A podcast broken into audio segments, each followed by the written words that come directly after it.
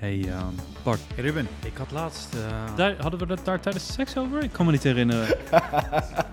Welkom bij Geen Man Overboord. De podcast die mannen meeneemt op een ontwikkelingsreis naar het beloofde land van een goede man zijn. Ik ben Bart, marketer en international man of mystery. En ik ben Ruben, psycholoog en part-time rockster. Hey ehm, Bart, Ja Ruben. Ik had laatst eh, gereageerd op een eh, freelance opdracht. Want je weet, ik ben ZZP'er, dus dan Mhm, reageer je mhm. wel eens op freelance opdrachten. Dus ik had, ehm, ik had netjes even mijn cv eh, op orde gemaakt, dat je alles spik en spannen netjes. Dus nou, uitgenodigd op gesprek en hij pakt zo mijn cv erbij en zegt... ehm, hey, we zien dat je een gat hebt in je cv tussen 2017 en 2019. Eh, wat heb je daar precies gedaan? Hm. Dus ik zeg, nou, gewoon een paar keer op enter gedrukt. ja, Ja. is niet zo heel moeilijk. Ik bedoel, Ja, Microsoft Word is ook echt kut inderdaad. Hè? Dat, ja. ik weet niet waarom hij het moest vragen, maar ja, het is misschien, kan misschien wat lastiger zijn dan je zou denken in eerste there instantie. you go. Dat is het. Hey, eh, Ruben, Ja, wat, eh, wat wil jij eigenlijk worden toen je klein was? voetballer. En jij? Eh, ik wil uitvinder worden. Ik had een, ik had een boekje met al mijn uitvindingen. ehm, zeg maar een beetje zoals Leonardo da Vinci, op dat niveau ook. Echt, Eh, echt waar? Echt waar? Oké. ik had een magnetron uitgevonden die dan zeg maar in plaats van warm eh, zou worden, dingen koud zou maken. Dat dacht ik eh, heel slim. Dat is eigenlijk, dat is wel slim. Je- maar dat is dus een, een, wat ze gebruiken om die groente heel snel in te vriezen als je, als eh, de, de mensen die groenten maken. Het is stikstof. Is de, oh ja, het is eigenlijk een soort van stikstofmachine. Dat doen ze niet met, doen ze dat met stikstof? Geen Ah, jij- idee. dat- trouwens, jij hebt de uitvinder. Ja, ja, nee. Ik, Ja, het. Anyway. Ja. Maar het is wel grappig, want je, ehm, het, het is ook wel een beetje de, dat, het tekent natuurlijk ook wel de persoonlijkheid, hè? Zeg maar, hoe bescheiden is je persoonlijkheid? dus jij, jij was al, zeg maar, een wereldberoemd uitvinder. Nou ja, ik ben de meest bescheiden persoon die ik ken, eh, Ruben. Is dat zo? Oké. Ik had juist een extra grote stoel voor jou en je ego, zeg maar, neergezet, dat je erin past. Dus ik heb ook wel het idee dat je het wel aardig vult.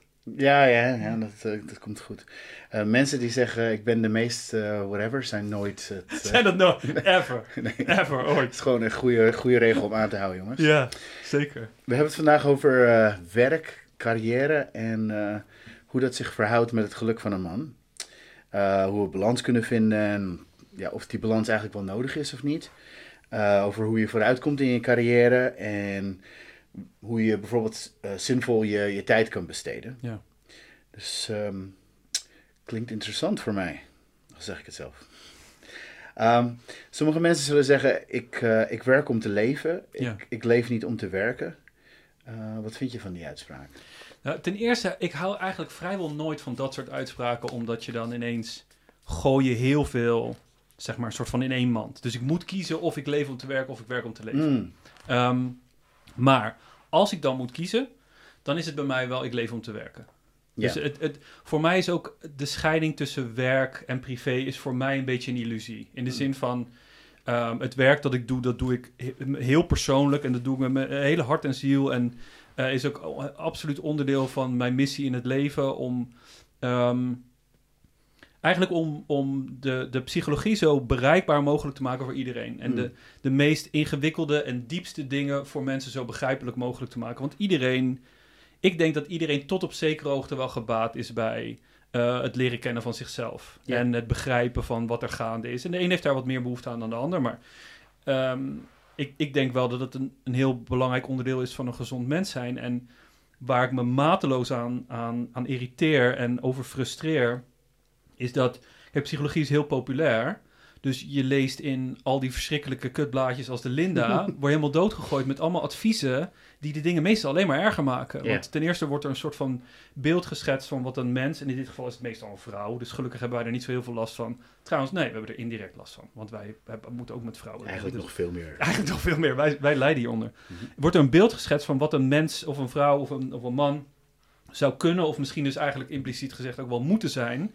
En vervolgens worden er allebei, allemaal tips gegeven over hoe je dat dan kan worden. En daarna wordt er gezegd, hé, maar je hoeft dit niet echt te zijn. Er, worden, er worden zoveel verschillende eh, tegenstrijdige adviezen gegeven van... eh, die wat mij betreft eh, de psychologie niet echt een goede doen. Dus ik, dat is een beetje mijn mijn strijd is eigenlijk in essentie gewoon tegen... Tegen de libellen. Tegen, tegen, nou, tegen de, ik denk eerder tegen de Linda. Oké, oké. Ja, Linda en Chantal Jansen, dat zijn mijn soort van... Hallo, Chantal Jansen. Ja, Chantal Jansen is wel, ik vind, Chantal Jansen is wel echt is wel Ja, heel nou, mooi, maar... Het Misschien kunnen we haar nog vergeven. Maar ik denk dat, eh, weet je, in jouw hoek kan ik me heel goed voorstellen dat de, eh, de grens tussen, zeg maar, werk en leven eh, vervaagt. Eh, vanwege het feit dat eh, jouw beroep gaat eigenlijk over de kunst van het denken en de kunst van het leven. Hm. Eh, over relaties tussen mensen, over van alles en nog wat. Welke eigenlijk gewoon één op één staat met, met, met leven. Dus als jij de dingen die je patiënten bijvoorbeeld vertelt niet in je eigen leven toepast, dan is het eigenlijk, ja, om even korter de Ja. bocht te gaan, is dat eigenlijk niet heel goed. Nee, Terwijl bijvoorbeeld een, eh, een weet je, iemand die een eigen bedrijf heeft, dat gaat over loodgieter zijn of iets dergelijks. ja. Kijk, Hij zal misschien, eh, weet je, zijn eigen huis eh, wat doen, maar verder is, is er een wat duidelijkere scheiding tussen, tussen werk en, en privéleven. denk ik ook. Het, het lullige is wel vaak is dat... Kijk, ze zeggen niet voor niets dat de meeste psychologen zijn, zijn tot op zekere hoogte een beetje gek, hè? En Mm. Eh, ik denk ook dat dat noodzakelijk is, omdat je eigenlijk moet weten hoe het is om last te hebben van bepaalde. Of, het, of je het nou mentale problemen moet noemen of niet. Ik, ik zie het veel meer als het leven, zeg maar. En, ehm, dus het, het, de dingen die ik adviseer, daar ben ik zelf soms ook slecht in. Zeg Ja. maar. En daar strijd ik zelf soms ook mee. Dus het is, ik probeer wel de, de soort van de practice what you preach. Maar ik faal daar ook heel vaak in en ik deel dat ook. Ik zeg ook van, joh, luister, dit is wat er heel vaak bij mij gebeurt. En dan probeer ik dit te doen. Want ik heb zelf het idee dat het mijn taak is om ook dit te leven. En erachter te komen wat wel en niet werkt. En dan Mm. vervolgens ook te delen met mensen. Te zeggen van, joh, luister, dit is de valkuil waar ik altijd intrap als ik hier last van heb. En volgens mij werkt dat andere werkt beter. En het is, je bent een soort van automatisch ben je een ervaringsdeskundige. Ehm, als, als psycholoog denk ik, eh, tot op zekere hoogte. Ik bedoel, ehm, als je het hebt over hele specifieke dingen. Ik heb nog nooit een psychose gehad of iets dergelijks. Dus daar kan ik me niet echt in, in Maar het is meer verplaatsen. psychiater. Het is meer psychiatrie, ja. Ehm, Ik krijg wel een beetje het gevoel van, take my advice, I'm not using it anyway. maar maar eh, ja, inderdaad, practice what you preach. En ook als je met dat, eh, met die insteek erin gaat, zo van, oké, ik weet misschien niet alles wat er, wat er goed is of wat, eh, wat de waarheid is. Ja. Eh, maar ik zou dit voorstellen, dan Ja. is dat volgens mij een veel betere... eh, Absoluut. eh, ja. En, en dat voorstel is dan meestal, is dan eigenlijk vrijwel altijd gebaseerd op wat ik ervaren heb zelf, of wat ik gezien heb bij andere mensen dat wel of niet werkt. Mm. En ik, ik denk ook, Jung zei, ehm, only the wounded doctor can heal. Dus hij, hij, hij, hij zei ook van, ja, je, je moet zelf een soort van geleden hebben onder bepaalde dingen, om ook te beseffen van, oh ja, dit is wat jij nu ervaart. Ja. En dat, hè, de beste verslavingszorg ehm, ehm, behandelaren zijn altijd ervaringsdeskundigen. Die weten gewoon hoe het is om verslaafd te zijn en, en obsessief bezig te zijn met één ding en jezelf daarom te haten en, en eh, niet te weten wat je moet doen en helemaal overgeleverd te zijn daaraan. En eigenlijk weet alleen een verslaafde dat echt. Mm. En dat vind ik een heel goed voorbeeld, omdat als ik verslaafd zou zijn aan iets, dan zou ik ook eigenlijk geholpen willen worden door iemand die zelf ook een keer verslaafd is geweest. Want Ja. die weet dan van, nou ja, dit is wat jij nu ervaart, dit is wat je denkt, dit is tenminste tot op zekere hoogte, en dit is wat je neigingen zijn. En dit is hoe ik eruit gekomen ben. En, en ik strijd ook nog steeds, hè, want een verslaafde strijdt tot op zekere hoogte nog steeds elke dag. Ja, Ehm, je, je bent nooit niet meer eh, verslaafd. Dus Nee. Volgens mij hebben ook eh, alle eh, psychologen, eh, therapeuten, dat soort dingen, hebben zelf ook een psycholoog en therapeut. Ja. Dus dat is het beste eh, bewijs daarvan, lijkt me. Zeker, en het is ook, kijk, ik denk ook dat het belangrijk is. Het, je, je kan dit in, elke, in elk beroep kan je dit toepassen. En dat is, je moet een keer aan de andere kant van de tafel gezeten hebben om te weten hoe het is om daar te zitten. Hè, Mhm. Dus stel, nou ja, stel, jij bent dan marketeer, dan is het ook fijn om zelf een, een, een bedrijfje te hebben gehad en te weten van, oké, hoe is het om naar een marketeer toe te gaan? Wat voor, Mm. wat voor vragen stelt hij mij en hoe is dat dan om, om als klant die kant op te komen? En, en hoe, word, hoe word ik dan behandeld en hoe vind ik dat? Ja, nou goed, het is. ehm, het is. ehm, zoals een beetje alles. Zo van. ehm, je kunt. eh, denk ik, het beste empathie hebben over dingen die zeg maar eh, onder jouw eh, smaak of, eh, of, of, of gedachtegang vallen, zeg maar. Ja. Dus ja, het is zo dat ik heel goed empathie kan hebben met mensen die een beetje de gezel- dezelfde gedachten over dingen hebben die, die ik heb, maar het is anders eh, op, op andere momenten. Ja. Maar ja, ik snap wat je bedoelt. Ik denk dat voor mij, ik, ik, ben dan, ik heb een eigen marketingbureau en ehm, ik, heb, ik heb een hoop personeel in dienst, verschillende landen, een hoop, zeg maar, hele lieve, maar, lastige klanten. Ja. En ehm, eh, het, wat, wat ik heel erg merk qua, eh, zeg maar, scheiding tussen, ehm, tussen eh, werk en, en, Privé? en privéleven, is dat het, het is eigenlijk net alsof, alsof je een hele hoop baby's hebt. Zo Hmm. van, ik kan eigenlijk nooit echt die, die uitswitch doen. Het Hmm. is, het is eh, je hebt altijd verantwoordelijkheid voor, voor problemen uiteindelijk. Je hebt altijd verantwoordelijkheid voor, voor klanten die, die dit of dat willen. En hoe goed je dat ook probeert eh, te outsourcen, ben je uiteindelijk toch eh, het meeste van de tijd on. Ja. Maar goed, dat is wat anders dan de hele dag, zeg maar, van, van 9 uur tot 5 uur productiewerk doen. En dan gewoon je, je, je boterhammentrommel mee naar huis nemen en dan Ja. naar je vrouw gaan. En dat is, of je dat wilt, is een ander verhaal. Maar ik denk, heel vaak hoor ik, net als jij, hele beetje ongenuanceerde dingen over carrière. En Ja. zo van, eh, ja, op vakantie kun je me niet, eh, kun je me geen berichten sturen eh, als ik over werk. Ja. Of ehm, ik zag laatst een post die ik had toegestuurd waar ze, waar ze het hadden over. ehm, ehm, als je oud bent, dan zul je niet denken op je sterfbed van. Eh, dan zul je niet meer herinneren de, de problemen die je had opgelost op werk of waar je zo lang mee aan het werk bent geweest. Maar je zult wel herinneren dat je eh, al die tijd niet met je kinderen of kleinkinderen bent. eh, ja, of verjaardag heb gemist. Of, ja. Maar dat is zo ongenuanceerd. Want het soort persoon die dus gewoon hard werkt en die dus verantwoordelijkheid neemt voor, voor zijn werk, die zal meer succesvol zijn en die zal daardoor een beter leven hebben. Hm. Er is natuurlijk altijd een balans. Je kunt het niet tot een eh, toxisch niveau eh, laten komen. Maar het is wel zo dat iemand die gewoon heel klein beetje zelfs onverantwoordelijk eh, van 9 tot 5 en dan AU ja. en, en verder er niet meer aan werkt, die zal zich minder ontwikkelen over de, over, over de, Lange over de- over de lange termijn. Ja. En zal dus, ehm, zal dus waarschijnlijk voor zichzelf en voor zijn kinderen en voor zijn kleinkinderen Hm. een minder goed leven eh, creëren. Ja, en, en wat denk jij bijvoorbeeld van... Want wat voor mij het meest, de meest belangrijke reden was bijvoorbeeld om zelfstandig te worden... eh, was het, het, de ervaring, zeg maar. Het gevoel van voldoening. Hè, eh, dus voor mij is het ook... Ik, ik ehm, reageer eigenlijk altijd. Het maakt eigenlijk niet uit hoe laat als ik het zie, dan reageer ik meestal gewoon tenzij ik echt... Tenzij er iets is of eh, dat het echt niet kan. Maar, en dat, daarvan kan je ook zeggen van, oh, is dat, is dat wel gezond? En sommige mensen zullen daarover twijfelen. Alleen voor mij voelt het ook niet zo, omdat, omdat ik het ook echt voor mezelf doe, in die Mm. zin. Het is voor mijn ding. Hè? En, dus ik denk ook dat op het moment dat je voor een baas werkt, dat de ervaring van het werk ook heel anders is. Ja, en toch, eh, weet je, ik heb eh, ondertussen in mijn bedrijf met honderden mensen gewerkt. Hm. En degene die, zeg maar, binnen korte termijn twee, drie keer het salaris van anderen verdienen, Ja, zijn degene die verantwoordelijkheid nemen voor hun baan. En die dus eh, die, die, die snel communiceren, Hm. die efficiënt zijn in het maken van werk, die, ehm, die, die, die zelf dingen oplossen. Hm. Ik weet nog, ik had één personeel. ehm, dat was eh, toen ik voor het eerst in Hongkong, wat, eh, ik had in Hongkong gewoond en daar een kantoor gestart. Toen ik voor het eerst daar wat mensen had aangenomen.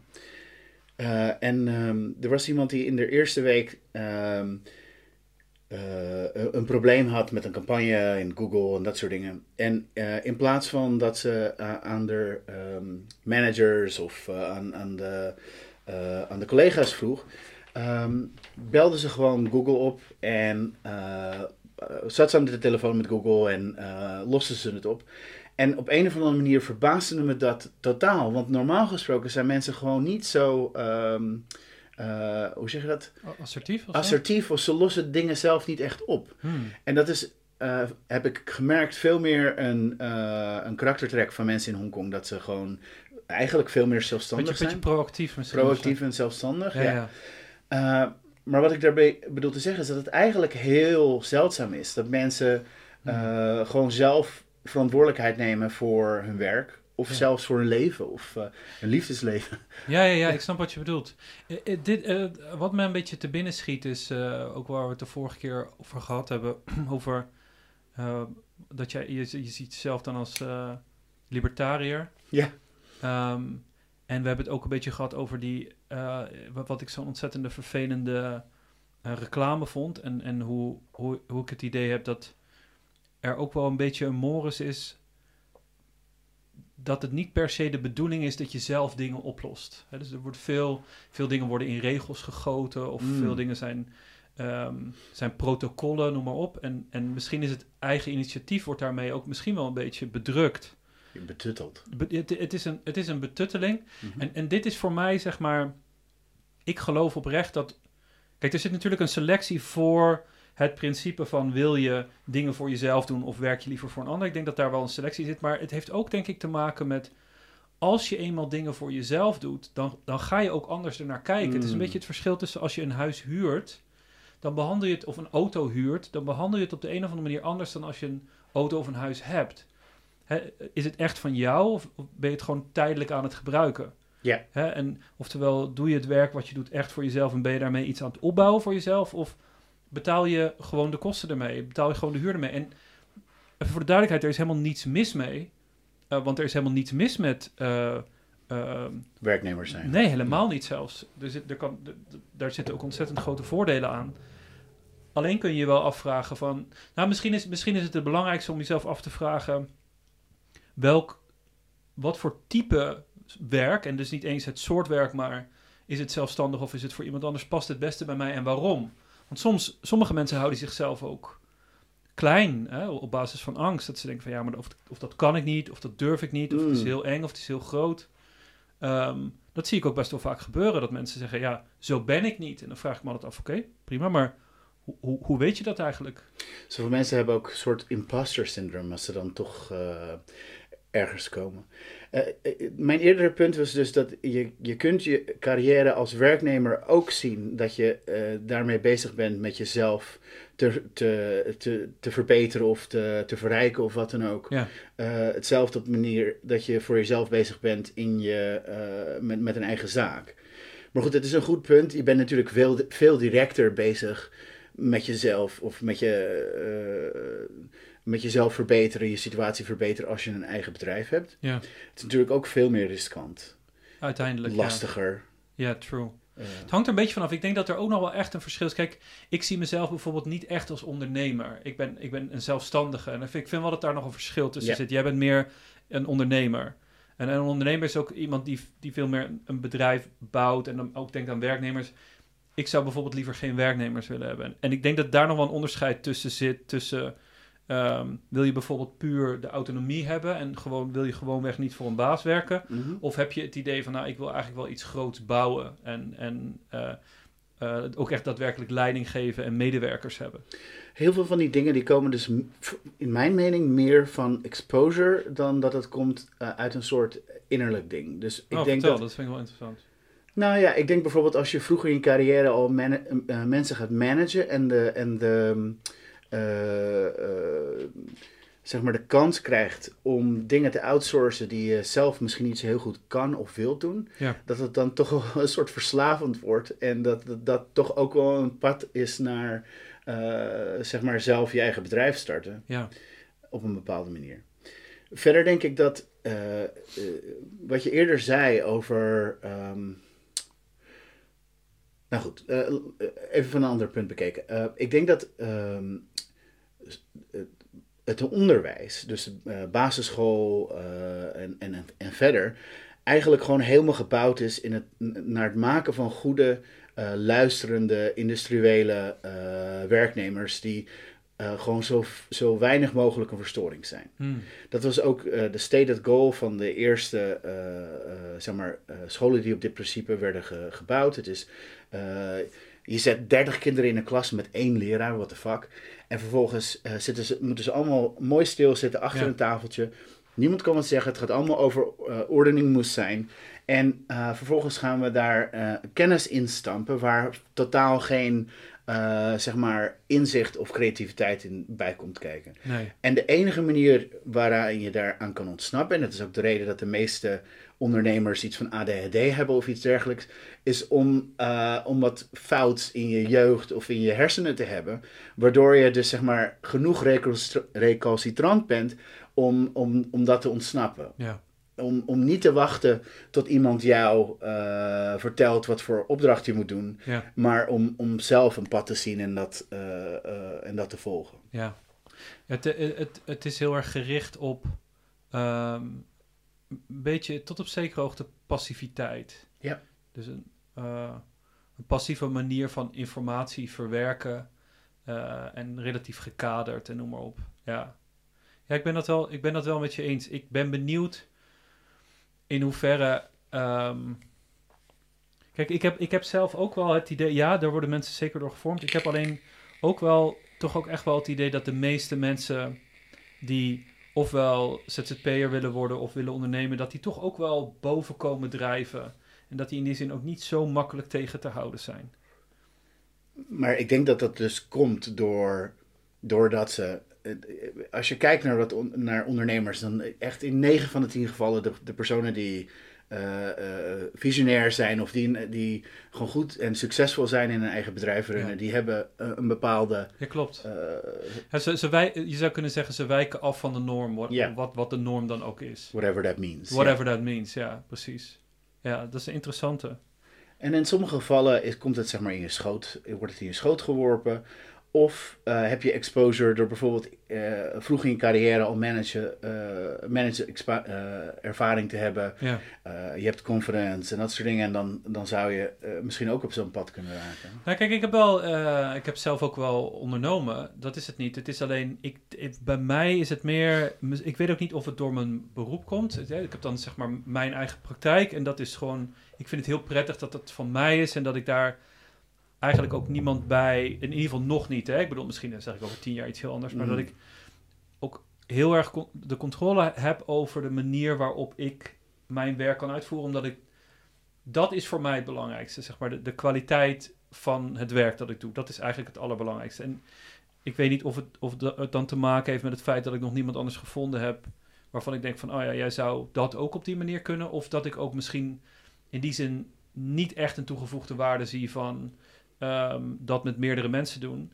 Nou is het wel zo dat ik bijvoorbeeld wel vaak bezig ben met het vinden van een, een soort van netwerkje van mensen die net iets anders kunnen dan ik. Dus bijvoorbeeld, eh, je hebt zoiets als dat heet een, eh, een somatische, f- ehm, een psychosomatisch fysiotherapeut, ik noem maar iets, of eh eh, haptonomen, of mensen die eh, meditatieles geven, of eh, eh, meer eh beweging, sport, dat soort zaken.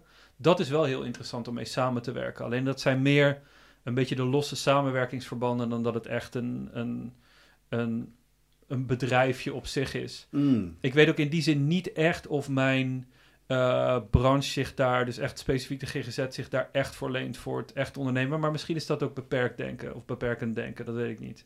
Mm. Ehm, ja, het kan misschien dat het in, in, de, eh, in de nature of, of die branche zit of iets dergelijks. En dat, dat het daarom gewoon wat, wat minder. eh, maar ik denk als we een, een soort model toepassen op werk. Dus je hebt zeg maar ehm, eh, waarom je iets doet, hoe je iets doet en het eigenlijk doen, Hm. zeg maar. Ja. En als je dat tegenover zet van, van het soort mensen, dan heb je zeg maar een specialist die dus dingen uitvoert. Heb je een manager die, die zeg maar ehm, eh, kan uitleggen hoe je iets doet. En dus eh, meerdere mensen kan uitleggen. Mhm. En dan heb je zeg maar een soort eigenaar die vertelt ehm, eh, waarom je iets doet. Hm. Dus die, die heeft zeg maar meer de, van, van een strategisch Ja, ja. niveau. Ja. En als je uh, werk op zo'n manier gaat zien, dan kun je dus kijken dat, dat, dat je eigenlijk in elke um, uh, branche of, of carrière wel zo'n soort verdeling hebt. Dus op het moment dat, dat je dat toepast bijvoorbeeld op psychologie, ja. dan zou jij uh, zou je kunnen zeggen, je doet zelf sessies. je vertelt mensen hoe je sessies moet doen. of je vertelt, zeg maar, waarom je sessies doet. Dus je gaat bijvoorbeeld uh, research doen naar bepaalde uh, psychologische aandoeningen of uh, je, je, je pakt het aan van, vanwege een maatschappij, ma maatschappij, maatschappij. van een maatschappij probleem, probleemniveau. Ja. ja. En um, dus als je het op die manier kijkt, dan, dan is er alsnog ook hetzelfde toepasbaar, zeg maar. Ik snap het, ja. ik snap het. Ja, dat is een interessante. Ik wilde, ik wilde ook nog heel eventjes terug naar datgene um, waar we over begonnen, over de scheiding tussen werk en privé. En toen zei hij um, dat er ook een beetje kort door de bocht naar gekeken wordt. Maar ik ben nog wel benieuwd hoe jij dat dan doet. Want ik heb, ik heb gezegd, hè, uh, ik ben eigenlijk soort van altijd beschikbaar. En dat vind ik ook helemaal niet vervelend, want het zijn korte, korte momentjes. En ik vind het belangrijk dat ik bereikbaar ben. En dat, dat is ook een beetje wat mijn praktijk is. Best wel uh, laagdrempelig. Mm -hmm. Uh, en hoe doe jij dat dan? Want ik heb, ik heb natuurlijk niet heel veel werknemers. Ik heb helemaal geen werknemers. Dus dat, ik heb alleen te maken met mijn cliënten. Ja, je hebt een hoop meer klanten dan ik waarschijnlijk. Maar dat is, uh, ja. het is een beetje hetzelfde. Klanten of werknemers, het is allemaal... Uh, maar jij zei bijvoorbeeld eigenlijk van, ik sta, ik sta dan nooit uit. Nee, inderdaad. Um, en kies, en is dat dan voor jouw gevoel een keuze? Oké, okay, ja, ik denk dat er twee aspecten aan zitten. Ten eerste word ik gewoon heel gestrest van het niet beantwoorden van, uh, van berichten of, of e-mails. Of ja, de open eindjes. Ja, en dat ja. is meer een psychologisch ding. Hm. Maar um, als je het meer hebt over zeg maar de, de, de scheiding tussen uh, leven en werk. Kijk, voor mij werkt het, want het is niet zo dat ik 12 uur per dag productiewerk moet doen. Nee. Ik kan in de meeste uh, tijden, zeg maar, mijn productiewerk in een uurtje of twee, drie afmaken per dag. Dus, en dan heb ik meetings, dan moet ik, uh, weet ik veel, beschikbaar zijn voor, voor vragen. Uh, interne meetings, externe meetings. Dan moet ik gaan nadenken over bepaalde, uh, weet je, hoe, hoe gaan we uh, ons bedrijf ontwikkelen. Hmm. ik kan bijvoorbeeld gaan kijken naar de financiën of iets dergelijks, maar dat is allemaal meer elective. Hmm. En dus, zeg maar, voor mij is de, um, de afweging. Um, Oké, okay, ik ben altijd beschikbaar. Ik heb een hoop verantwoordelijkheid voor een hoop verschillende dingen. Maar tegelijkertijd ben ik best flexibel in uh, wanneer ik fysiek achter een computer moet zitten of in een kantoor moet zitten of iets dergelijks. Ja. En dus kan ik voor mezelf heel goed een, een, uh, een balans maken. Zelfs al zou dat er niet zijn, zeg maar in het uh, begin van mijn carrière zou ik, zou ik het prima hebben gevonden als er, als, if it makes sense, om 12 uur per dag te werken. Op het moment dat ik een, een duidelijk doel voor ogen had en dat het uh, ook echt gewoon zin heeft. Want heel veel van de tijd zitten mensen te werken voor, voor slechte redenen. En ja. dat is weer een ander verhaal. Nou, misschien is dat ook wel een belangrijk onderdeel van hoe. Wat is denk je het belang van een carrière, zeg maar, voor mannen? En we kunnen een carrière kunnen we definiëren als um, ofwel um, het werken voor een bepaald bedrijf of in een bepaalde branche, wat het dan ook is. Uh, of je uh, jezelf ontwikkelen op het gebied van uh, meerdere studies, cursussen, wat dan ook. Je, dus je kennis vergroten. of het opbouwen van iets voor jezelf. Hoe, hoe, hoe zie jij dat belang voor mannen in het algemeen? Hoe belangrijk is werk of carrière, denk jij? Ik denk dat mannen in het algemeen iets nodig hebben waarom, waaraan ze hun, um, hun kunsten kunnen laten zien, zeg maar. Wat op het, op het uh, puntje zit tussen hun kunnen en uh, wat er van ze gevraagd wordt. Hmm. Dat ze een soort uitdaging nodig hebben in hun, in hun leven. En ja. uh, sommige mensen doen dat door, door sport of... weet je, ze hebben een lastige ex-vrouw. maar... maar ja, weet je, anderen die... Die doen dat met, of de meeste doen dat eigenlijk met een, met een carrière. Ja. En het, carrière is eigenlijk een soort topsport voor heel veel mensen. Hmm. Ik denk dat, dat, dat het voor mannen veel meer verbonden is met hun eh, met hoe ze zichzelf zien. Denk je dat het met identiteit te maken heeft? Ja, Ja. Ik, ik had eh, laatst iemand horen zeggen... Ik denk namelijk dat het ook te maken heeft met, met, met een, een doel hebben. Zeg maar voor heel veel... eh, voor, ik denk voor veel mannen is eh, de dingen die met hun werk te maken hebben... eh, daar, zit- daar zit een belangrijk doel achter. En ehm, die persoon die zei... Een man zonder doel is als een feest zonder muziek. En, en daar, daar ben ik het wel heel erg mee eens. Omdat mannen zijn ontzettende doelgerichte wezens. Het is- kijk maar naar hoe mannen ook communiceren met elkaar. Mm. Dus het, is altijd, gaat altijd... Het gaat bijna altijd... Ja, of het gaat echt helemaal nergens over. Maar meestal gaat het over praktische zaken. Als een vrouw iets tegen een man zegt... Een vrouw, eh, kijk, vrouwen willen meestal delen en mannen willen iets oplossen. Dus daarom gaat het ook zo vaak mis in de communicatie. Een vrouw, weet ik veel, die, die, die zegt iets over hoe ze, ze, eh, weet ik veel, iets over wat een vriendin heeft gezegd of hoe het is op werk. En daar zit dan een bepaalde emotionele lading aan, noem maar op. En een man lost het probleem op, want die denkt, hé, hey, een probleem, dat is voor mij iets om vast te pakken en om te fixen. Mhm. Mannen zijn over het algemeen probleemoplossers. En ik denk ook dat. Ik denk dat het een belangrijke taak is van jezelf als man om, een, om, proble om, om problemen te zoeken die jij het waard vindt om op te lossen. Ja. Want kijk, je kan namelijk nooit, je kan niet geen problemen hebben. Eh, want er zijn altijd overal problemen. Onze hersenen zijn gemaakt om problemen te vinden, om obstakels te vinden. Dus je gaat sowieso problemen tegenkomen. Maar je kan je maar beter in een omgeving neerzetten waarin je ten eerste problemen tegenkomt die voor jou waardevol zijn om op te lossen. Maar ten tweede ook waar jij de vaardigheden hebt om die problemen op te lossen. Ja. Want dan kan je groeien. In jouw geval, kijk, eh, in jouw geval is het, heeft het dus bijvoorbeeld met marketing te maken. Dus het heeft te maken met, laten we het even in, in hele brede zin zeggen, het, het, het toetreden tot markten. Hoe kan ik mij als bedrijf toetreden tot een markt en hoe kan ik mijzelf verkopen? Hoe kan ik mijzelf neerzetten als merk? In mijn geval is het iemand loopt tegen iets aan in zijn leven en hoe kan ik die persoon helpen om dat probleem te benaderen en op te lossen? En dat geeft mij heel veel voldoening, omdat dat ook hetgene is wat ik waardevol vind, maar ook waar ik goed in ben. Ja, even voor de duidelijkheid. ehm 99% van mijn problemen zijn mensenproblemen. Eh, als het over personeel gaat of over klanten of iets dergelijks. Ja. Eh, misschien 1% over eh, interessante marketingdingen. Maar dit is, weet je, het, het ja. grappige is dat, dat dit, hè, je, je legde net heel mooi uit over die drie lagen van hoe, je, hoe je eigenlijk alles kunt benaderen. Dus ben je de specialist, oftewel doe je het werk zelf?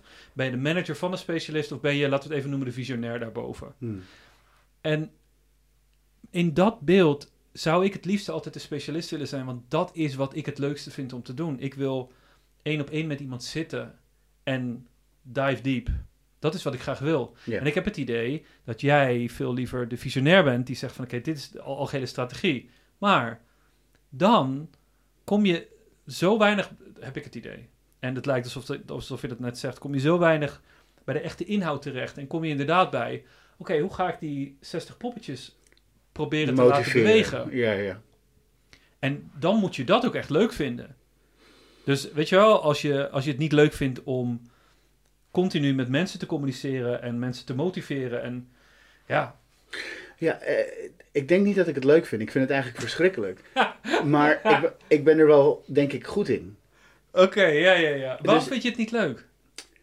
Wat vind je er niet leuk aan? Nou, het, ik denk dat er mij niets meer irriteert dan mensen die niet begrijpen wat ik probeer te communiceren. Jezus Christus, Bart. ken, jij, ken jij die... Ken jij die... Ken je Kamagurka? Ken je dat? Of, Ah. of, of is het... Volgens mij was het Gumba deze. En het gaat over een man. Zo'n Gumba-tekening... Je moet eigenlijk nooit een tekening uitleggen, maar ik ga het wel gewoon proberen. Dus Mm. fuck it. Eh, het is een- het is een man en, en dat, dat, dat staat zoiets boven als, eh, weet je wel, een, een, man met een iets te hoog IQ of zo, whatever, iets te groot ego. En dan komt een andere man naar hem toe en de- of er komt een vrouw naar hem toe en die zegt van, eh, eh, wil je koffie? En hij trekt haar uit zijn hoofd en zegt, oh, wat is ze dom! Oh, wat is ze dom! En dat is een beetje, dat is een beetje wat je beschrijft. Mensen begrijpen, je, bent je bent dus een soort van de onbegrepen genie, ben jij. Nee, zo zie ik mezelf helemaal niet. Maar kijk, op het moment dat jij, ehm, dat jij, eh, zeg maar, een leider van een groep mensen bent, Hm. eh, weet ik veel door welke situatie, dan, eh, dan is, ben je zeg maar bij default of, of per definitie de persoon die moet mensen zeg maar dingen uitleggen of, of dingen eh, laten doen, eh, motiveren. Ja. En, en ding, mensen in een bepaalde richting te laten eh, lopen. Ja, Dus het is, ja, het is part of the, the, the job description dat je eh, probeert te communiceren.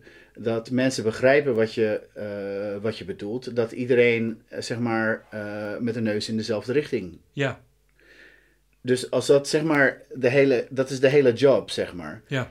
Dus ja, dan, dan is het inderdaad een soort falen, eh, een, een Ah, irritatie. Maar is om- het, niet een, is het dan niet... Voor, kijk, voor mij is het...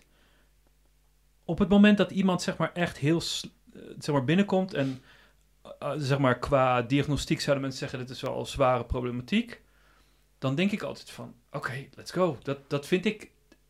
Bij mij is het zeg maar, het kan niet. Het is niet, het kan niet gek genoeg. Dat klinkt een beetje gek, maar de, het is niet van oh ik wil alleen maar mensen die heel goed begrijpen en heel goed luisteren en dat soort Mm. dingen, want dat is part of the challenge.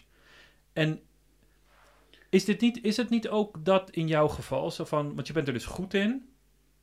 Je, je zegt van ja, ik, ik kan, dat lukt mij, maar ik, vind het, maar ik vind het wel heel vervelend. Omdat ze me niet altijd begrijpen. Maar is het dan niet van, oh, dan heb jij een uitdaging om jezelf, om ervoor te zorgen dat mensen je begrijpen of zo. Dat je kan denken van, hoe zou deze persoon Mm. mij kunnen begrijpen?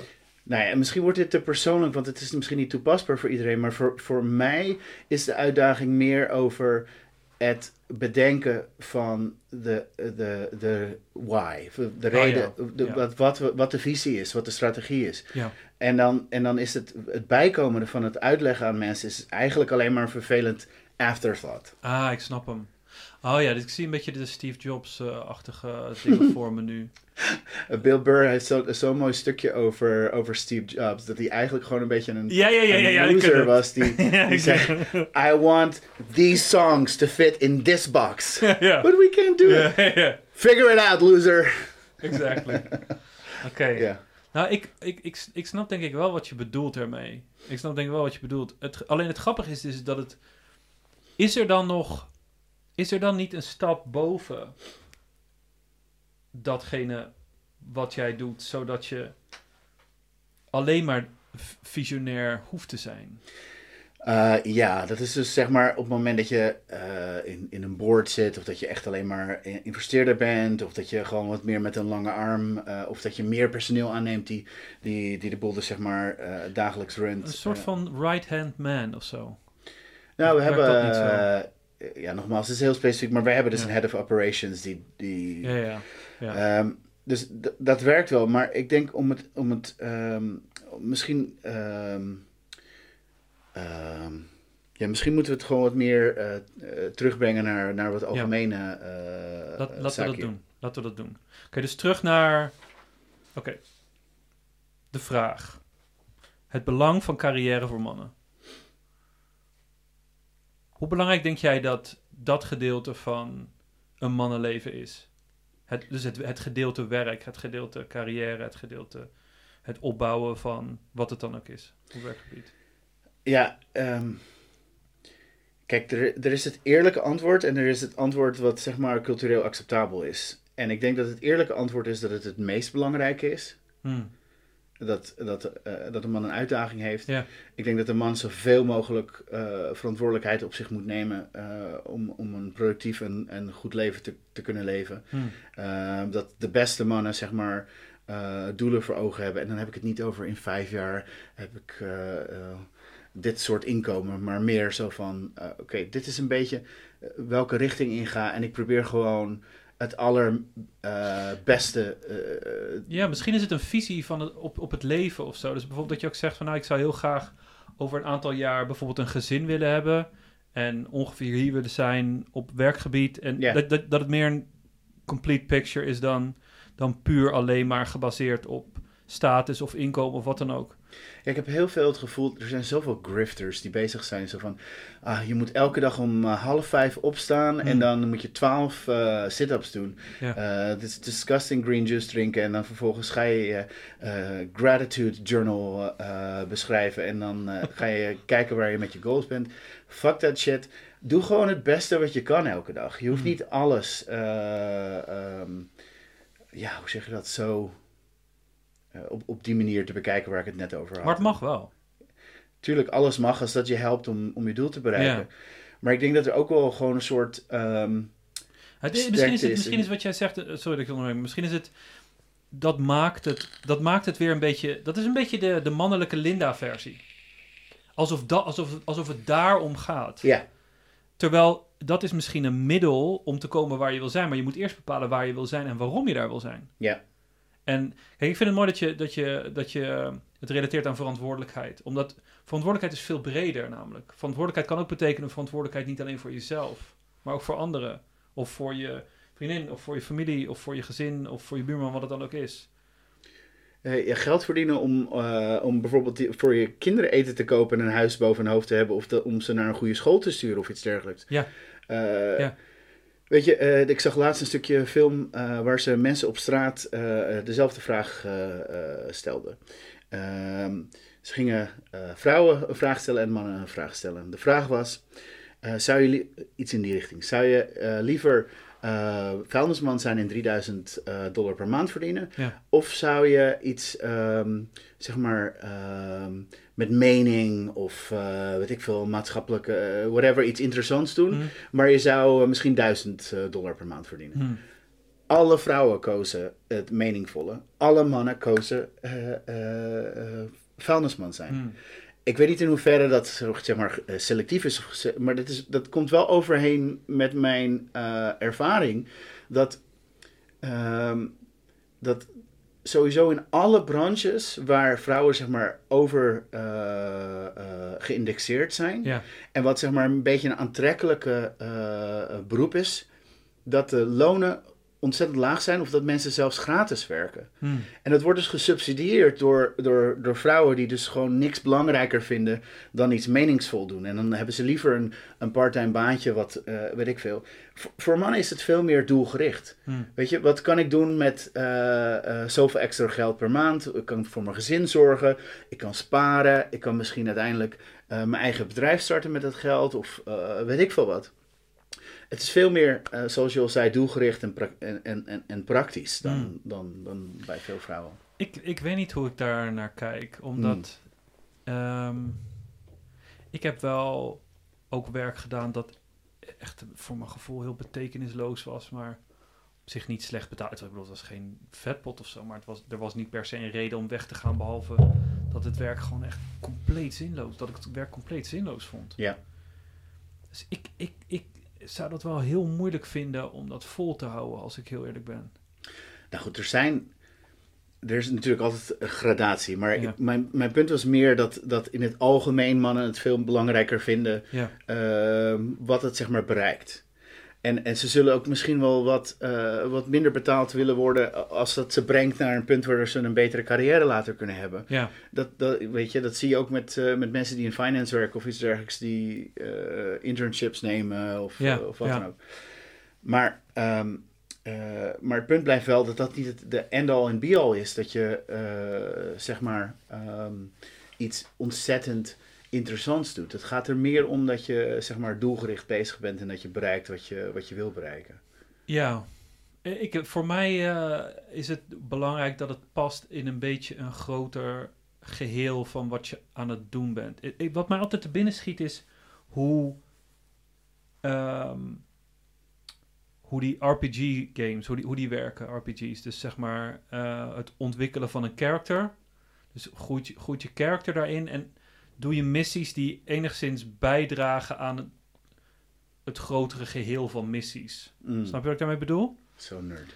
Ehm, nou ja, ik, ik speel eigenlijk zelf die spelletjes niet, maar ik weet wel hoe ze werken, want ze zijn ook vaak gebaseerd op hoe bijvoorbeeld dopamine afgegeven wordt. Mhm. Dus heb je het idee dat je aan het klimmen bent op een ladder waar je ook op wilt klimmen. Ja. Dat is ook vaak hetgene wat zeg maar voldoening geeft. Daarom hadden we het in het begin ook over het verschil tussen zelf iets opbouwen en voor iemand werken of tussen huren en kopen. Bij het ene is het een investering waarvan je weet van die investering komt ook weer terug naar mij. En bij de ander lijkt het alsof het. Dus wat je het voorbeeld over vuilnisman, denk van ja, hmm, ik, ik kan me voorstellen dat je, dat je daar dan ook van denkt van ja, maar waar ben ik dan nu naartoe onderweg? Ik denk dat je toch wel dangerously close komt naar het standpunt dat je moet doen wat je passie is en dat je, weet ik veel, uh, ik, ik, weet je, fuck your motivation, you need uh, uh, discipline. Mhm. En ik denk dat, dat hetgeen wat, wat ik zeg maar aan mijn kleine broertje, als ik die zou hebben, zou vertellen, is: oké, je hebt een doel voor ogen. Uh, wat misschien een heel fijn en, en uh, uh, iets is wat je, wat, je, wat je helemaal overeenkomt met jezelf, of het uiteindelijke doel. Ja. zeg maar een soort droombaan. Fine. Maar onderweg naar, daar naartoe is het heel likely dat Ja. je dingen moet doen die je niet wil doen. Of dat je harder moet werken. Of- Absoluut. dus ja, dat is wat ik bedoelde. Het gaat er meer om dat je, dat je doelgericht bent op een, op een manier waarop niet elk moment eh, plezierig hoeft te zijn. Kijk, en, en ik denk dat, dat dat met het meeste tegenstaat aan het voorbeeld van de vuilnisman. Is dat ehm, het niet toewerkt naar iets dat uiteindelijk beter gaat worden. Sparen. Eh, meer keuzes, tijd om, eh, om, eh, om, om, om een betere baan te vinden, weet ik veel wat. Hmm. Maar goed, de, de, de twee keuzes waren om, of een veel lager... Ja, ja, ja, ja eh, snap dus- je. Ik snap je. Ik, ik weet niet, ik denk dat... ehm, misschien heeft het ook te maken met waar überhaupt je...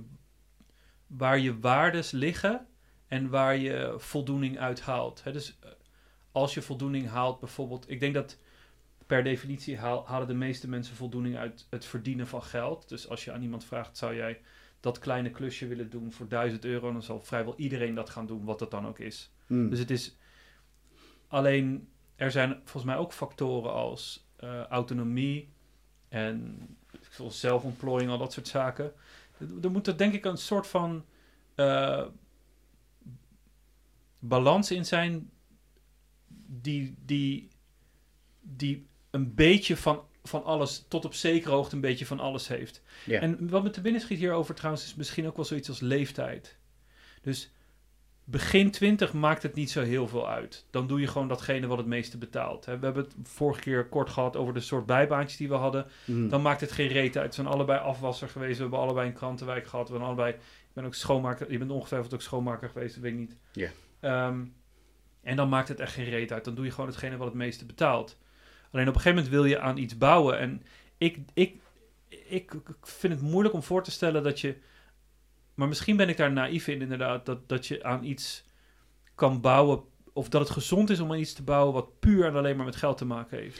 Het hoeft niet alleen met geld te maken, maar op, ik denk dat het, het, het algemene punt is gewoon dat, eh, ehm, dat, dat je altijd doelgericht moet bezig zijn. En, Hmm. en dat het einddoel hetgeen is wat what matters. Niet dat je eh, dat you enjoy the ride. Dat ben ik met je eens. Dat ben ik met je eens. Ehm, en ik denk dat dat afhankelijk is van waar je naartoe onderweg bent. Dus als je weet van, luister, ik ben onderweg naar iets wat voor mij waardevol is, Mhm. dan maakt het geen reet uit wat je aan het doen bent.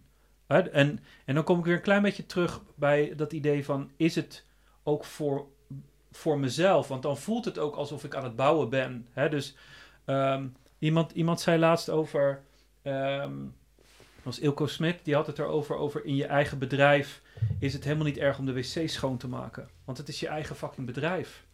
Dat, je, je doet allemaal dingen in je eigen bedrijf die ineens niet meer erg zijn omdat ze onderdeel zijn van een groter geheel dat, dat belangrijk is. Mm. En al die kutklusjes, die worden dan ineens compleet anders dan als iemand tegen je zegt, hey, ga jij eens even die wc schoonmaken. Ja. Ja, zo'n extreem eh, voorbeeld. Ik maar... maak altijd de wc, nee ik maak nooit de wc schoon eigenlijk. Ja, ik heb wel gemerkt dat ehm, eh, als je een eigen bedrijf hebt, ben je, ik, ik zelf ben veel meer, heb veel meer de neiging om, om dingen eh, uit te besteden ehm, die, die ik zelf niet wil doen. Ja. Ehm, terwijl als ik voor een baas werk, dan heb ik toch een beetje wat meer servicegericht eh, ownership Ja, ja. idee over dingen. Dus ja, misschien ligt het aan de persoon. Kan, ja.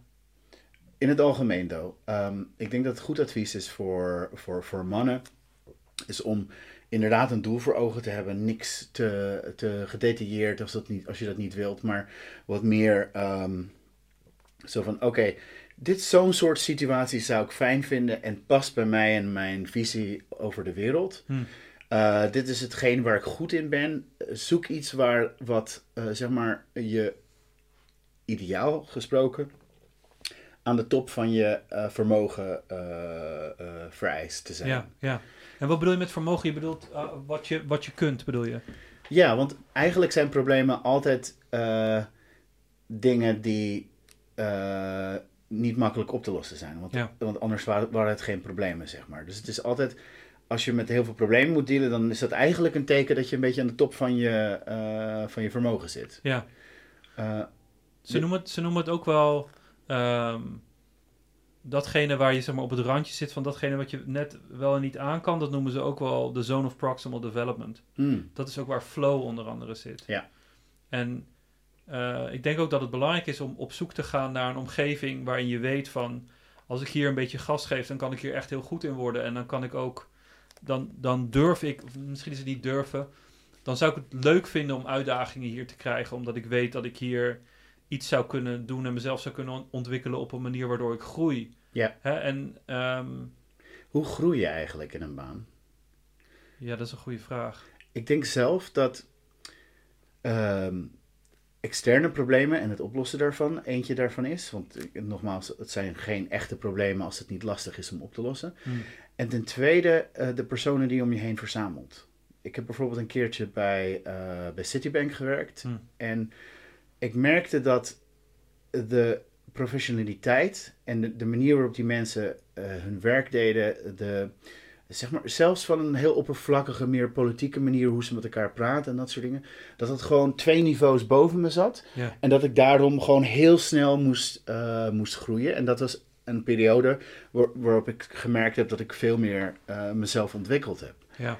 En uh, ik denk dat, het, dat, dat, dat die twee dingen eigenlijk het allerbelangrijkste zijn. Dat, je, dat er van je gevraagd wordt door je functie uh, om, om, om, om, ja, verantwoordelijkheid te nemen en in lastige situaties te zitten. En dat je mensen om je heen hebt die uh, ja, ook op een hoger niveau of, of iets dergelijks. Ik, ik, ik denk, je beschrijft het heel mooi. En ik denk dat het ook heel veel te maken heeft met de soort persoon over wie je het hebt. Want Hmm. ik denk, wat ik hier aan toe zou voegen... Kijk, jij hebt het namelijk eigenlijk over... Uh, de omgeving moet challenging zijn. En er Ja. moeten mensen in de omgeving zijn... die dingen doen op een manier waar je naar kan kijken... en bedenken van... oké, okay, wow, dat is wel inspirerend... en dat is misschien wel zoals ik het ook zou willen doen. Een soort van rolmodel. Ja, Wat je misschien daar nog bij zou kunnen voegen... is dat de omgeving op de een of andere manier... Uh, ontwikkeling stimuleert. Of in ieder geval niet...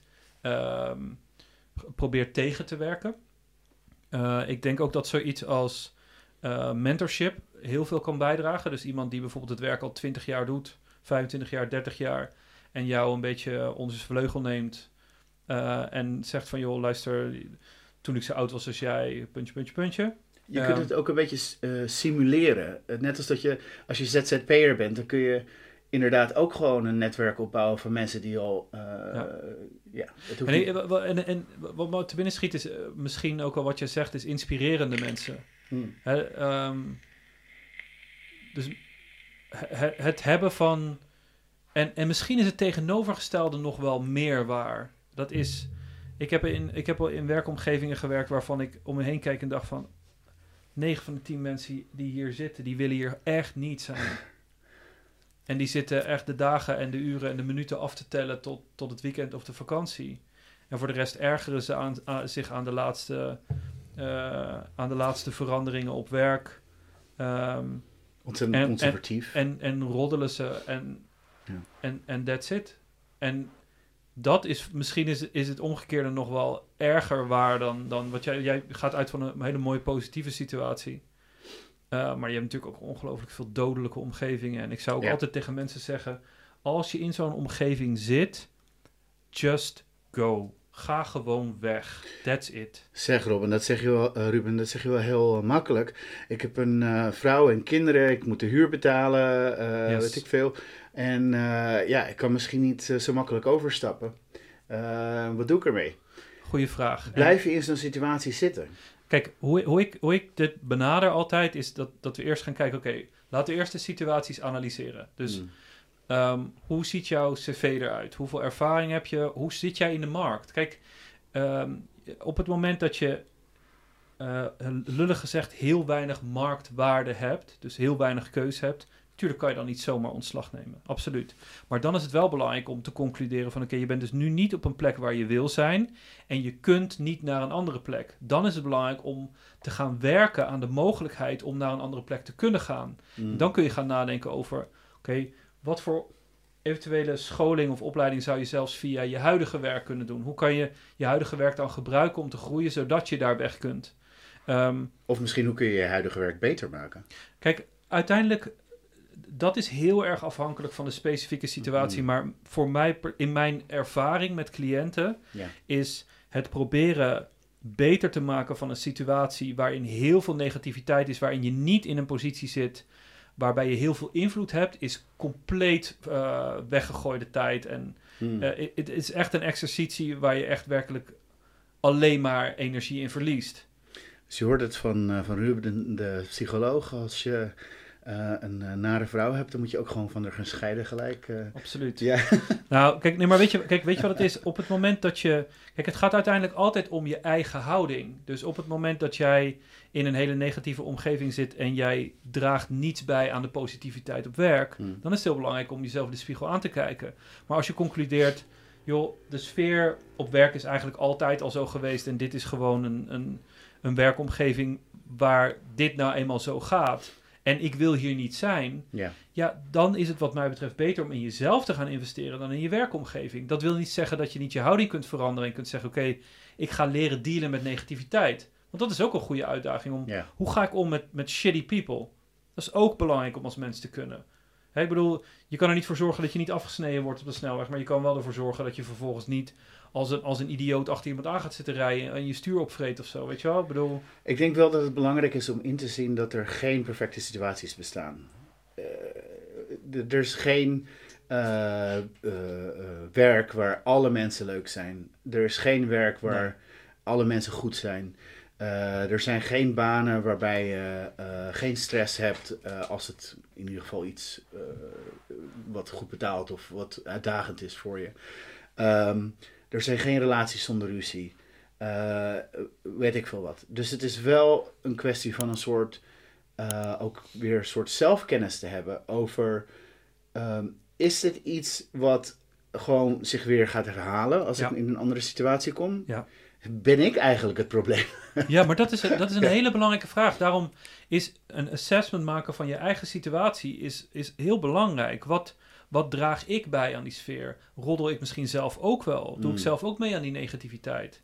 Dat, alleen dat, dat vind ik eigenlijk nog een beetje losstaan van het zijn in een situatie die onprettig is. Te meer omdat er zijn namelijk ook heel veel hele leuke werkomgevingen. Die bestaan echt. Alleen om daar binnen te komen, dien jij zelf de persoon te zijn die die werkplek dus ook ehm, eigenlijk een soort van verdient. Hè, ik bedoel, Het is precies hetzelfde met, met vrouwen en relaties. vertel. Nou ja, ik bedoel, er, er zijn ook, eh stel nou dat je een slechte relatie hebt, er zijn ook vrouwen die gewoon veel beter zijn, maar misschien zit je zelf qua, qua, mannelijk, qua, qua man zijn, zeg maar, nog niet, eh, of qua mens zijn, zeg Ja. maar, nog niet op het niveau dat die persoon... eh, Absoluut, dat je die persoon verdient. ja, Ja, en, en, kijk, en kijk, waar het uiteindelijk om gaat, i- in ieder geval in mijn werk, is hoe eerlijk durf je en kun je tegen jezelf zijn. Kijk, we liegen de hele dag tegen onszelf. Ik lieg ook de hele dag tegen mezelf. Sommige Mm. dingen weet ik dat ik lieg, andere dingen weet ik niet helemaal die, waar ik lieg, waarvan het- dat ik lieg. Alleen het onder ogen komen van zo'n situatie betekent dus, voor zover dat kan, heel eerlijk zijn over de situatie zelf. Oftewel, is dit gewoon een, is dit gewoon een beetje een kutbedrijf, want die bestaan? Of is het gewoon toevallig omdat er een aantal dingen veranderd zijn? Los daarvan, wat doe ik? Wat ben ik aan het doen? Hoe gedraag ik mij?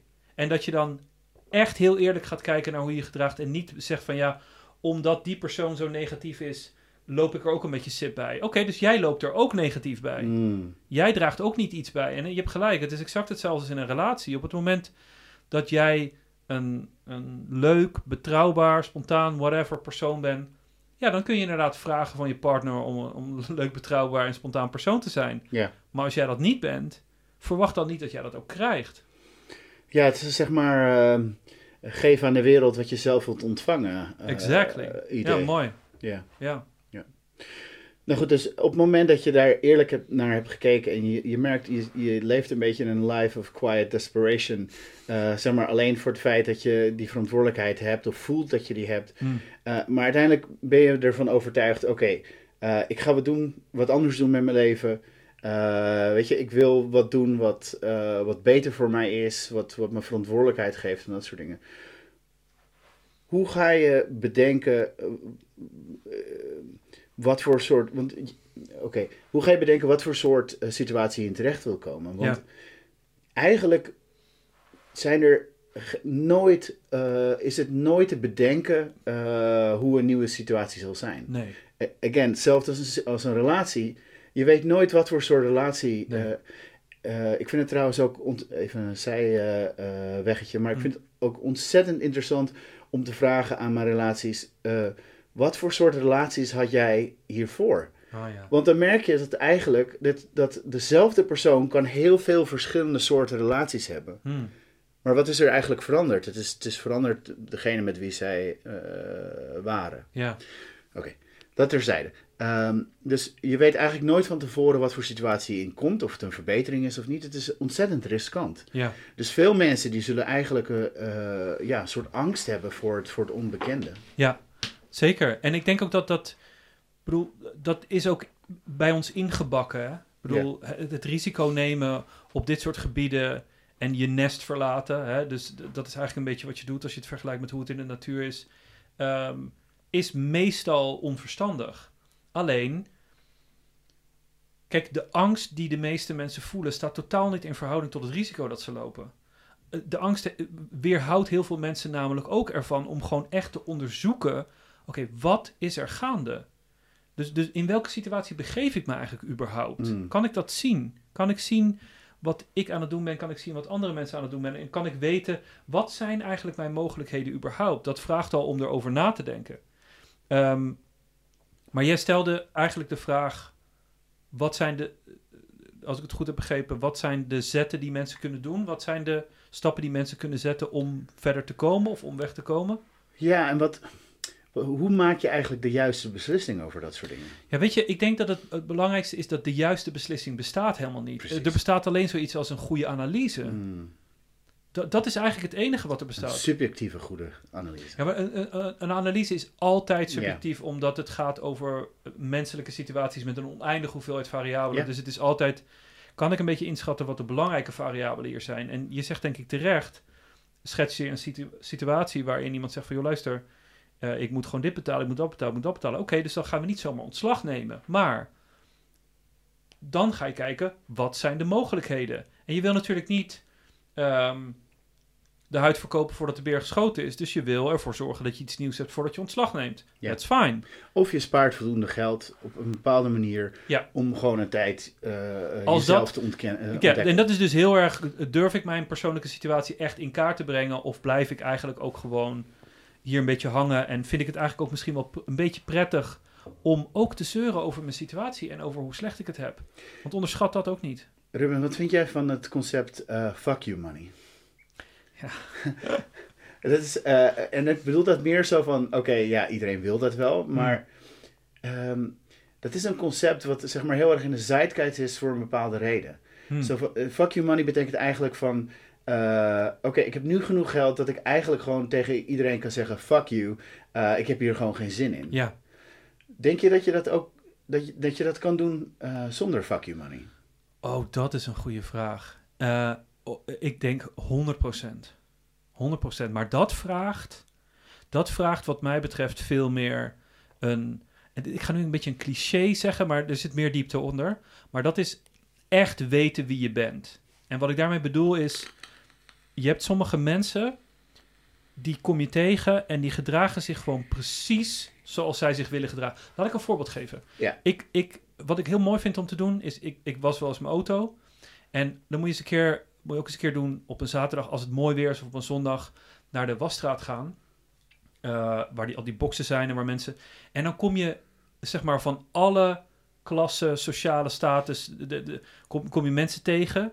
Die en de een in een, eh, in een hele dikke Mercedes en in de ander in een, in een eh, Toyota Aygo. En iedereen is zeg maar zijn autootje aan het wassen. Ja. En dan, da- dat, dat is ontzettend, ik vind het altijd ontzettend fijn om mee te maken op de een of andere manier. I don't know why. Maar ik zag een man en, eh, en die had een, een Mercedes S-klasse en ik denk, nou, dat was zeker een kwart miljoen, die auto. En die man die had een, een soort van een giletje aan en een cowboyhoed. Hm. En je zag aan die man, oké, het, het maakt hem, je, je zag aan alles aan hem, het maakt hem geen reet uit wat jij van hem vindt. Maar je ziet het eigenlijk alleen maar met, zeg maar, hele lage klassen of mensen die het gewoon echt gemaakt hebben. Je ziet het nooit ertussen. Dat is een interessante. Is dit een beetje hetzelfde als je ziet nooit eh, Aziatische daklozen? Is dat hetzelfde? Is dat hetzelfde? ding? nee, dat, eh, dat heeft volgens mij ergens anders mee te maken. Maar eh, Oké, maar wacht even. wacht. Dit- Oké, dus, eh, dit is interessant. Dus, oké, dus het is, je zou zeggen van oké, dus of het zijn mensen die hebben echt zoiets van, weet je wat, ik heb toch fucking niks. Weet je wat, fuck it, ik doe gewoon cowboy boots aan en ik doe dat giletje aan en dat. Of het is, ik heb al het geld van de wereld. ik doe mijn rode broek aan. En, Ja. eh, ja. Dat, dat is oké. Alleen gek genoeg, misschien, maar misschien heb je daar wel gelijk in, want ook vanuit het, het, pers- het perspectief van verlichting, hè, enlightenment, dat ge- gebeurt ook heel vaak vanuit een soort van, ofwel vanuit wanhoop, van ik ben alles kwijt, Hm. ofwel vanuit, ik heb het spel nu uitgespeeld. Ja, hetzelfde idee. Ik denk sowieso dat er een, eh, een correlatie is tussen mensen die heel succesvol zijn en mensen die gewoon doen wat ze willen. En in het algemeen, in elke situatie, in elke, zeg maar, want eigenlijk is alles een beetje een onderhandeling. Hm. Eh, er zijn altijd eh, conflicting Interest. goals en interests. Ja?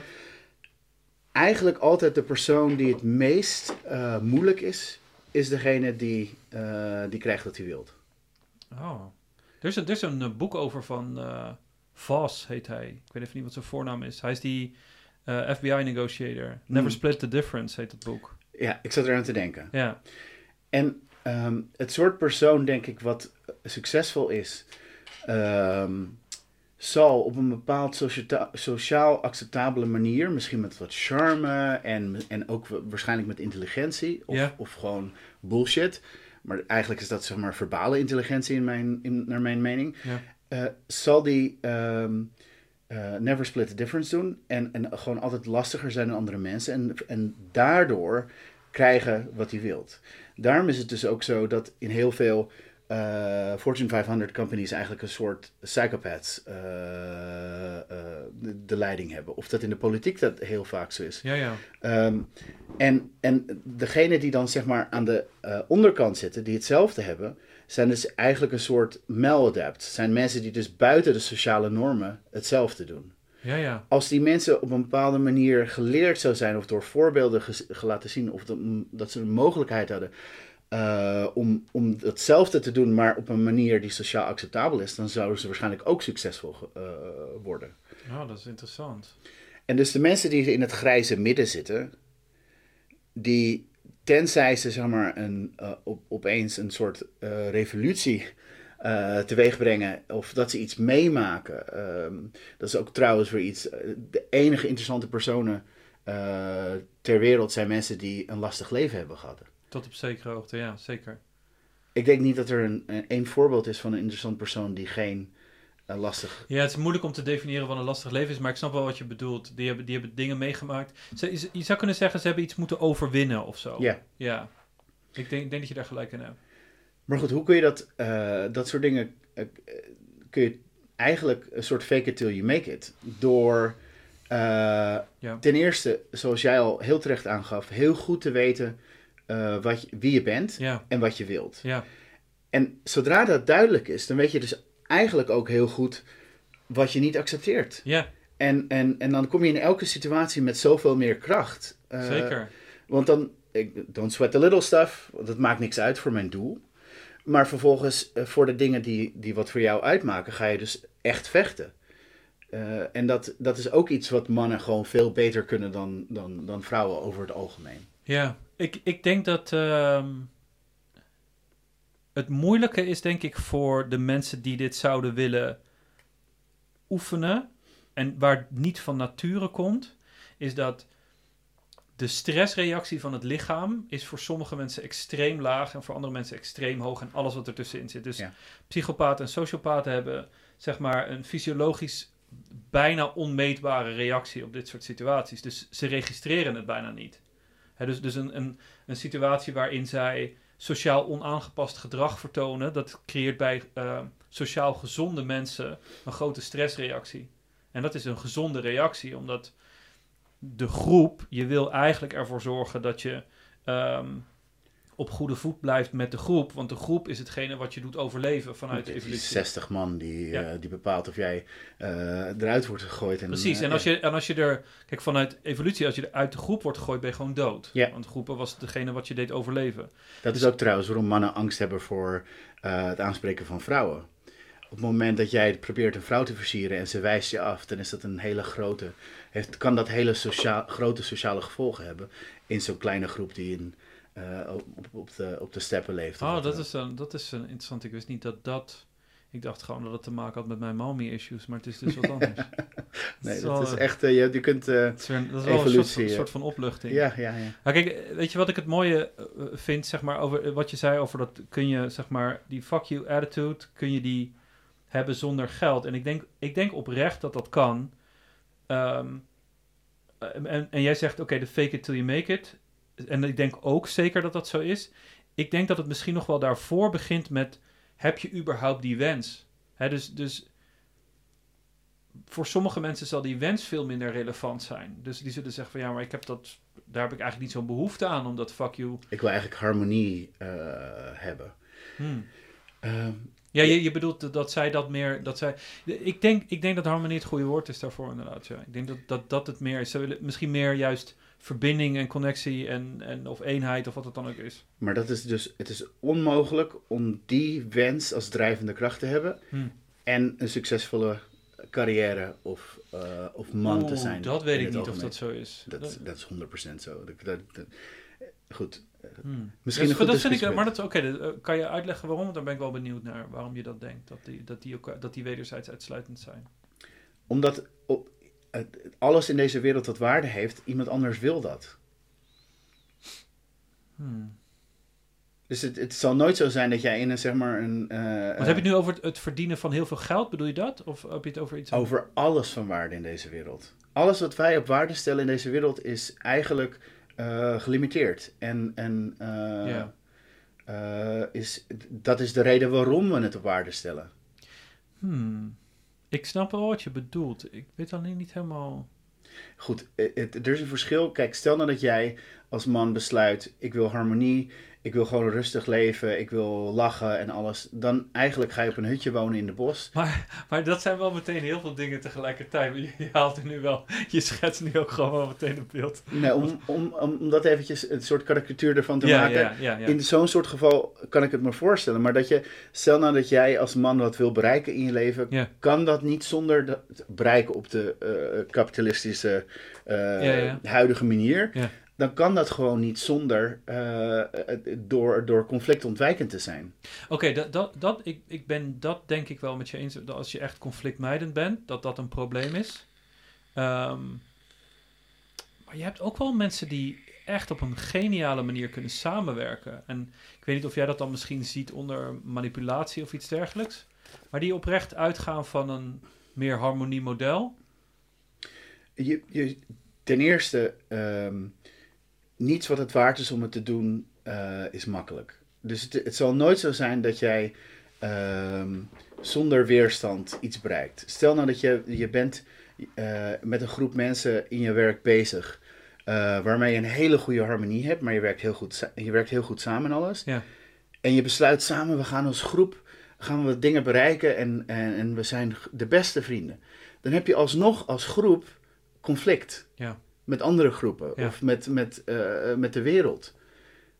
Dus er, is, er is geen manier Ja, om ik, dat te ik, snap, ik, snap, ik snap wat je bedoelt. Ik snap wat je- misschien heeft het te maken met eh, iets wat je zou kunnen noemen met het innemen van ruimte. Zo, als je Ja. ruimte inneemt, dan zal je altijd aanschuren tegen iets anders wat ook ruimte aan, in wil nemen. En als je daar altijd van terugdeinst, dat je dan op een gegeven moment geen enkele ruimte meer voor jezelf hebt of iets dergelijks. Ja, precies. En kijk, dat is wel een beetje een scarcity mindset. En er is genoeg in de wereld voor iedereen. Hmm. Maar tegelijkertijd is het niet zo dat, dat, weet je, dat je de deur uitloopt en dat er eh, een eh, staaf goud eh, op de grond ligt.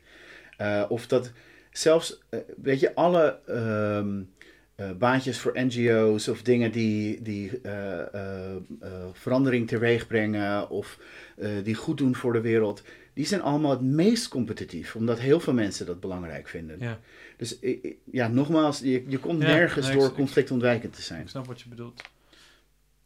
En zelfs in, in sorry, no- nog één Ja. ding, zelfs in, in relaties. ehm, als jij continu bezig bent met het pleasen van de andere persoon, zul je nooit ruimte hebben voor je eigen behoeftes. En de enige manier, kijk, behoeftes zijn behoeftes omdat ze nog niet vervuld zijn, zeg maar. Ja.